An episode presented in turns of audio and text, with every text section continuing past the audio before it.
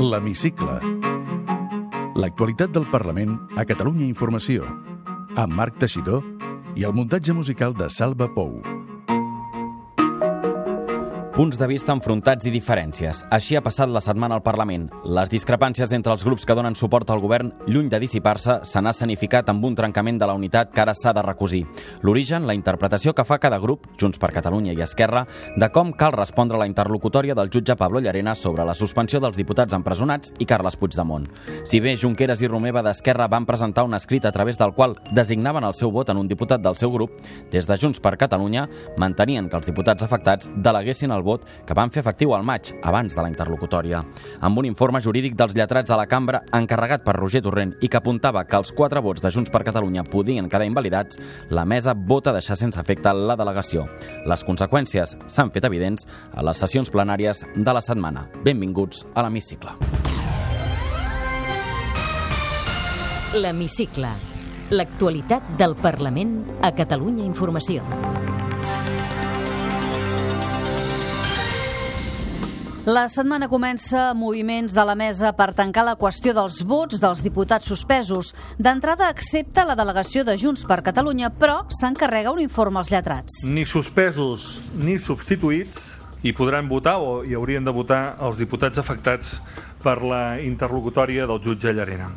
L'endemà dimarts, tot canvia. Roger Torrent deixa sense efecte els vots dels quatre diputats de Junts per Catalunya per un error de forma. A l'oposició es reclamen moviments. Que Junts per Catalunya rectifiqui i que, sobretot, respecti la sobirania del Parlament.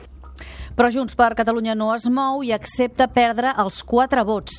El bloc independentista perd la majoria i es reprèn el debat de política general. Les dificultats per tirar endavant aquest ple, més enllà de l'autocrítica com a que representants públics ens hem de fer, no ens han de fer oblidar que hi ha repressió i l'ingerència d'un jutge, del senyor Llanera. A les votacions es fa evident el trencament de la majoria independentista i algunes de les propostes de resolució proposades conjuntament per Esquerra Republicana i Junts per Catalunya es perden. Ens hem trobat amb aquest entrebanc, però ens en trobarem amb, amb molts més. Dit això, crec que el govern eh, té marge i ha de tenir aquest marge, perquè en un horitzó no, no gaire llunyà ens espera un judici i ens espera una sentència que necessitarem la màxima unitat d'acció. Superat el debat de política general, dimecres comença el ple de l'agenda social i convivència que va demanar Ciutadans. I avui ens contestarà en una frase al qüestionari de l'hemicicle. Eduard Pujol, independent i portaveu adjunt de Junts per Catalunya al Parlament de Catalunya. L'entrevista a Carme Clèries i, entre altres coses, li pregunta això. Junts per Catalunya i Esquerra Republicana estan condemnats a ser adversaris?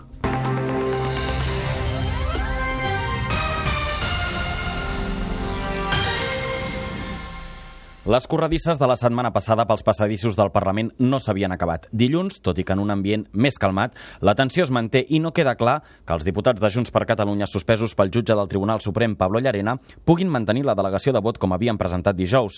El president del Parlament demana un informe als serveis jurídics de la cambra sobre aquesta delegació, tot i que la mesa ha ratificat d'entrada aquest mecanisme de votació. Els lletrats, però, adverteixen en totes les reunions de la mesa que la delegació no s'adequa al que marca la resolució del Suprem. Ho expliquem amb Montse ese. Amb tots aquests moviments sobre la taula, dilluns a la tarda, Junts per Catalunya celebra que la mesa hagi acceptat la delegació de vot, una situació que dimarts al matí, abans de reprendre el debat de política general, fa un gir. Amb l'informe dels lletrats de la cambra sobre la taula, el president del Parlament, Roger Torrent, porta a votació de la mesa rebutjar la delegació de vot. Una votació que tira endavant amb els vots d'Esquerra i PSC, l'abstenció de Ciutadans i el vot en contra de Junts per Catalunya. Per primera vegada aquesta legislatura, el bloc independentista vota diferent, una situació que deixa tocada la unitat del govern. Torrent demana que els diputats afectats, Carles Puigdemont, Jordi Sánchez, Jordi Turull i Josep Rull, presentin un nou escrit on facin seva la fórmula aprovada de designar i no delegar.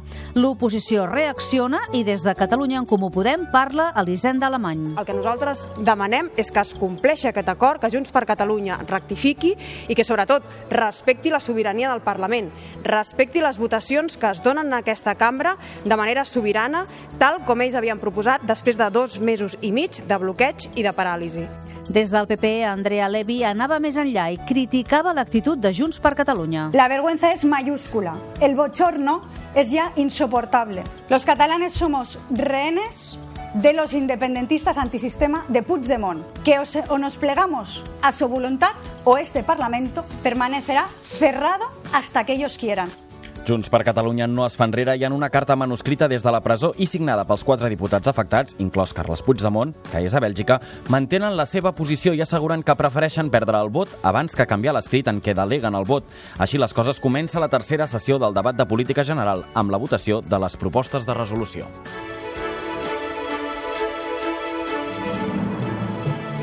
Aquesta sessió serà la primera prova de foc on es farà evident la pèrdua de la majoria independentista. Tot i això, des del govern no es veu en risc la seva unitat. Els quatre vots delegats dels diputats processats de Junts per Catalunya no es compten i això els ha fet perdre diverses votacions, algunes de les quals propostes pròpies.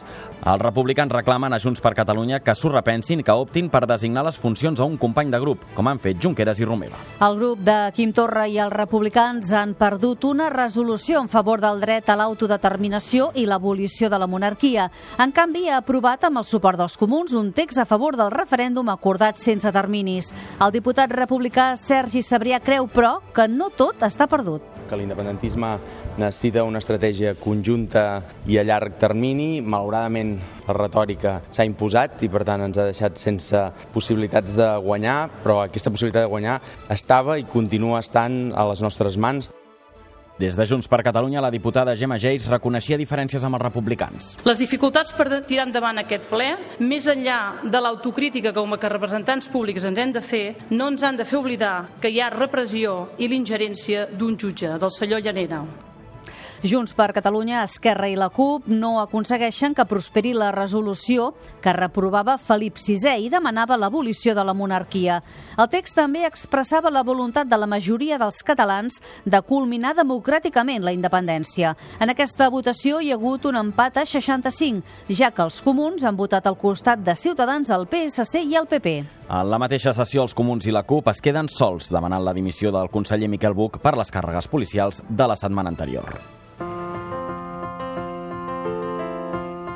Superat el ple de política general, dimecres comença el ple sobre l'agenda social i convivència que Ciutadans va demanar al juliol. Un ple on els partits aprofiten i es posicionen sobre el conflicte a Catalunya. Ciutadans té clar que l'objectiu independentista divideix els catalans i els grups independentistes ho neguen i acusen la formació d'Inés Arrimadas de generar confrontació. Carlos Carrizosa considera que la fractura social que segons ell hi ha a Catalunya l'ha provocada el govern de Quim Torra. ¿Saben ustedes que hay muchas personas que están planeando irse de Cataluña? Porque están hartas de este ambiente, que estamos perdiendo capital humano de los mejores. No importa, ¿verdad? Pues a lo mejor es porque la convivencia en Cataluña es difícil desde que ustedes iniciaron este acelerón hacia ninguna parte.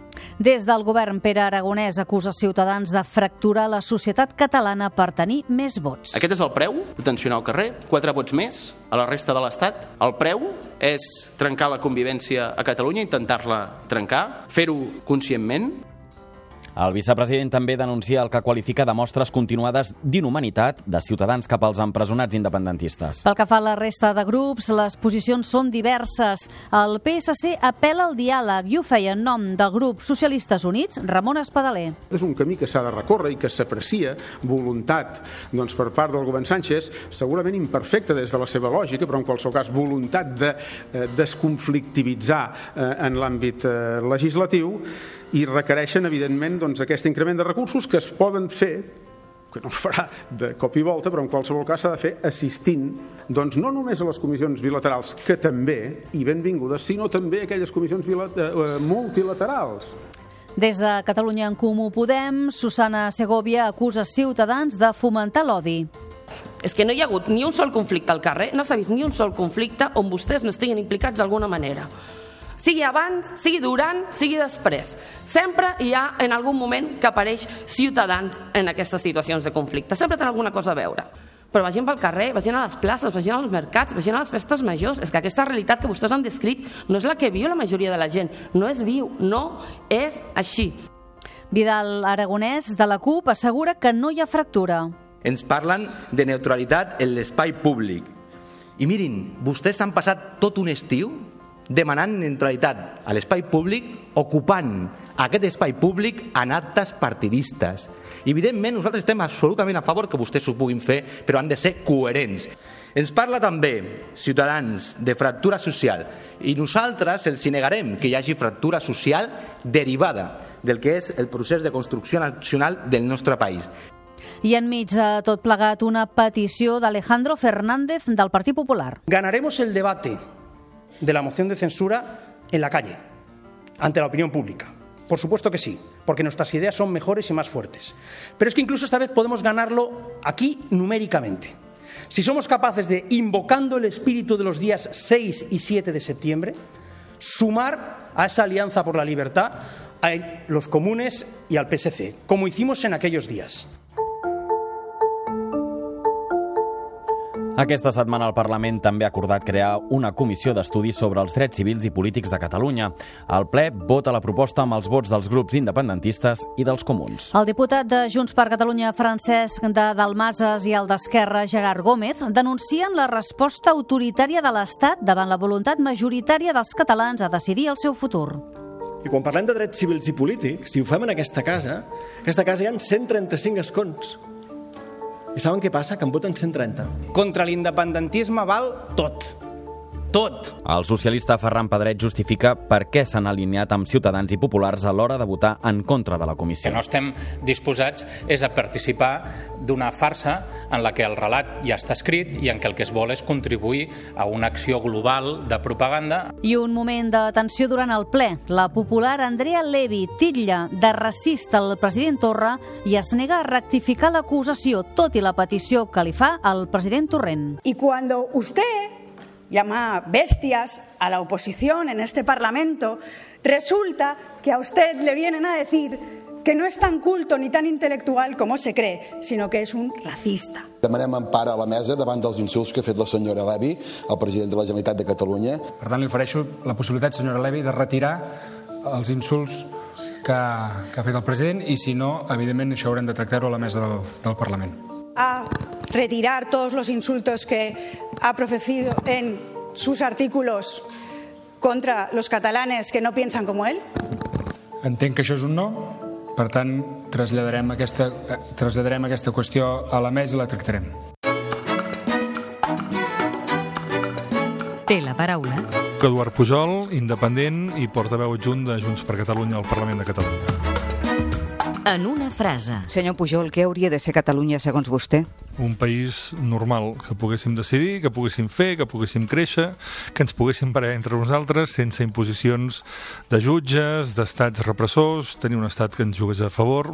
Vaja, la normalitat d'aquells països que són allò que volen ser. La judicialització del conflicte polític català creu vostè que s'ha portat massa lluny? És un conflicte que no hauria d'haver començat amb tribunals, que no hauria d'haver continuat amb tribunals i que ha continuat amb tribunals.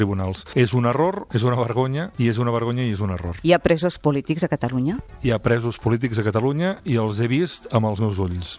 Fins i tot li diré més, el, el president del meu grup parlamentari, Jordi Sánchez, l'he hagut de conèixer a la presó.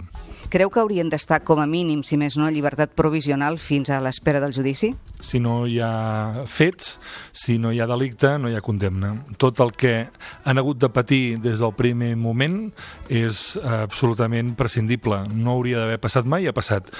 Es diu que Catalunya està dividida en dues meitats aproximadament, entre gent favorable a la independència i gent que no ho és. Davant del no rotund de l'estat espanyol, acordar un referèndum, quina és la sortida? Vostè em sembla que, com jo, no sé, em sembla que no és, no és de pagès, però coneix la gent de pagès i sap que la fruita verda no cau de l'arbre, però la fruita madura acaba caient. Junts per Catalunya i Esquerra Republicana estan condemnats a ser adversaris? No, el que estem és condemnats a entendre'ns, perquè eh, al marge de la fotografia sociològica del país avui, dels vots dels electors la nit del, del dia 21 de desembre, hi ha la fotografia que en puc imaginar, que puc intuir, d'unes properes eleccions, d'unes properes properes eleccions, d'unes properes properes properes eleccions, i jo intueixo que el mapa es mourà dos amunt, dos avall, tres amunt, tres avall, i per tant aquest espai amb accents diferents, estem obligats a l'entesa. Em pot dir quan durarà aquesta legislatura? A mi m'agradaria que durés molt, perquè aquesta és una feina apassionant i la veritat és que hi disfruto molt. Catalunya té dret a l'autodeterminació? Catalunya té dret a l'autodeterminació. Què significa per vostè l'1 d'octubre i el 9 de novembre? Mai havíem estat tan dignes i mai ens havíem reconegut tan valents. Quina autocrítica creu que hauria de fer l'independentisme en tota la situació dels darrers mesos? Que ens exigim masses autocrítiques i que aquest és un, un déjà vu, l'autocrítica, l'autocrítica, l'autocrítica. El que hem de fer és eh, posar en valor a tot allò que hem fet. No som on érem, som molt lluny d'on érem i per tant estem molt a prop d'algun altre lloc. Senyor Pujol, com s'ha de fer perquè tothom tingui dret a un habitatge digne? Si no aconseguim arribar a la república, no tenim futur. I si no aconseguim arribar a la gestió pròpia, a l'autodeterminació i tirar endavant, no, tenim, no podem garantir la prosperitat de la gent d'aquest país. Què li diria una persona que està en una situació de pobresa energètica? Com es resol això d'una forma immediata ni que sigui provisional? Jo em poso les mans al cap de pensar que no tenim els mecanismes, ni l'agilitat, ni la capacitat política, ni real, l'eficaç de no poder resoldre a totes totes un cas, encara que només n'hi hagi un, ja és d'absoluta injustícia. Sap allò d'aquell anunci que explicaven de la velocitat i han baixat molt, molt els accidents de trànsit a Catalunya, però, és clar, mm, si fos el, el seu, què, què diria? Doncs el cas de la pobresa energètica és exactament el mateix. Mentre n'hi hagi un, n'hi ha masses. Digui'm quina llei li agradaria aprovar abans d'acabar la legislatura. Miri, una, una llei que permetés eh, anar a votar en consonància consonància amb les normatives i les lleis i la legislació espanyola i que poguéssim posar finalment les urnes i decidir allò que volem ser quan siguem grans.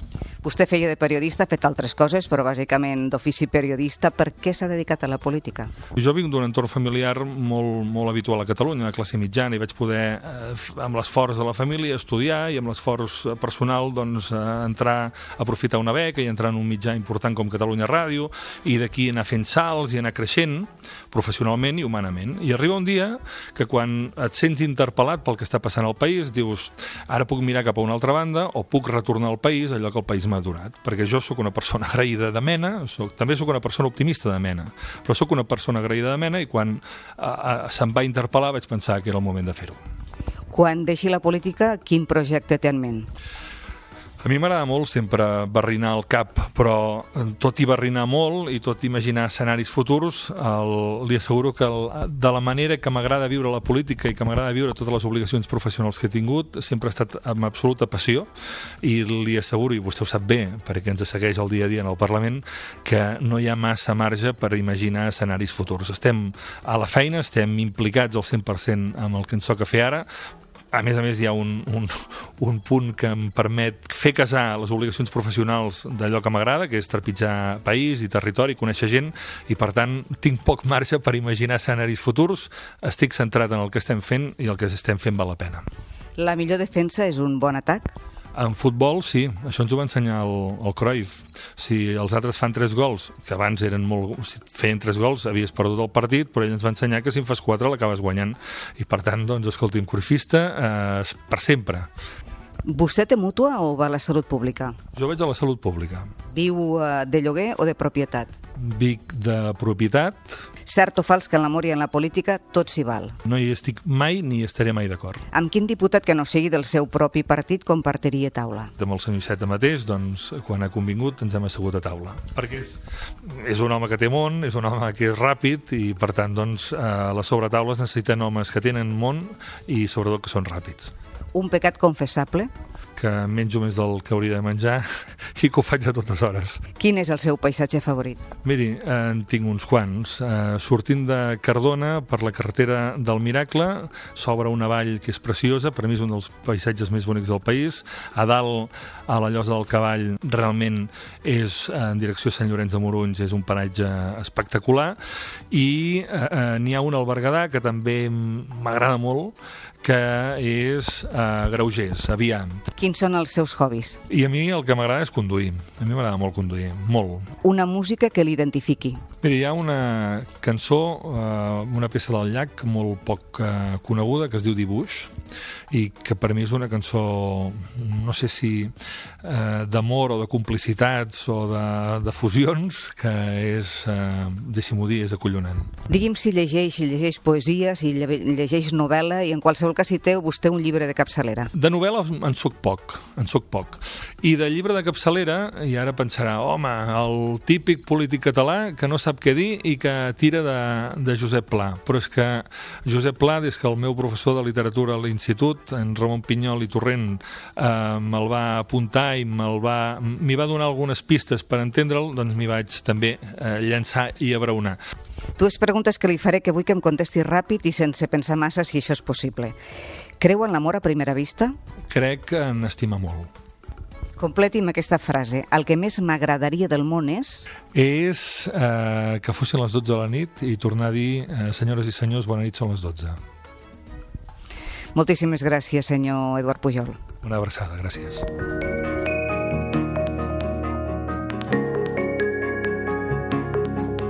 Podeu tornar a escoltar l'Hemicicle al web catradio.cat barra hemicicle o al podcast del programa i seguir l'actualitat del Parlament al perfil de Twitter arroba L-hemicicle.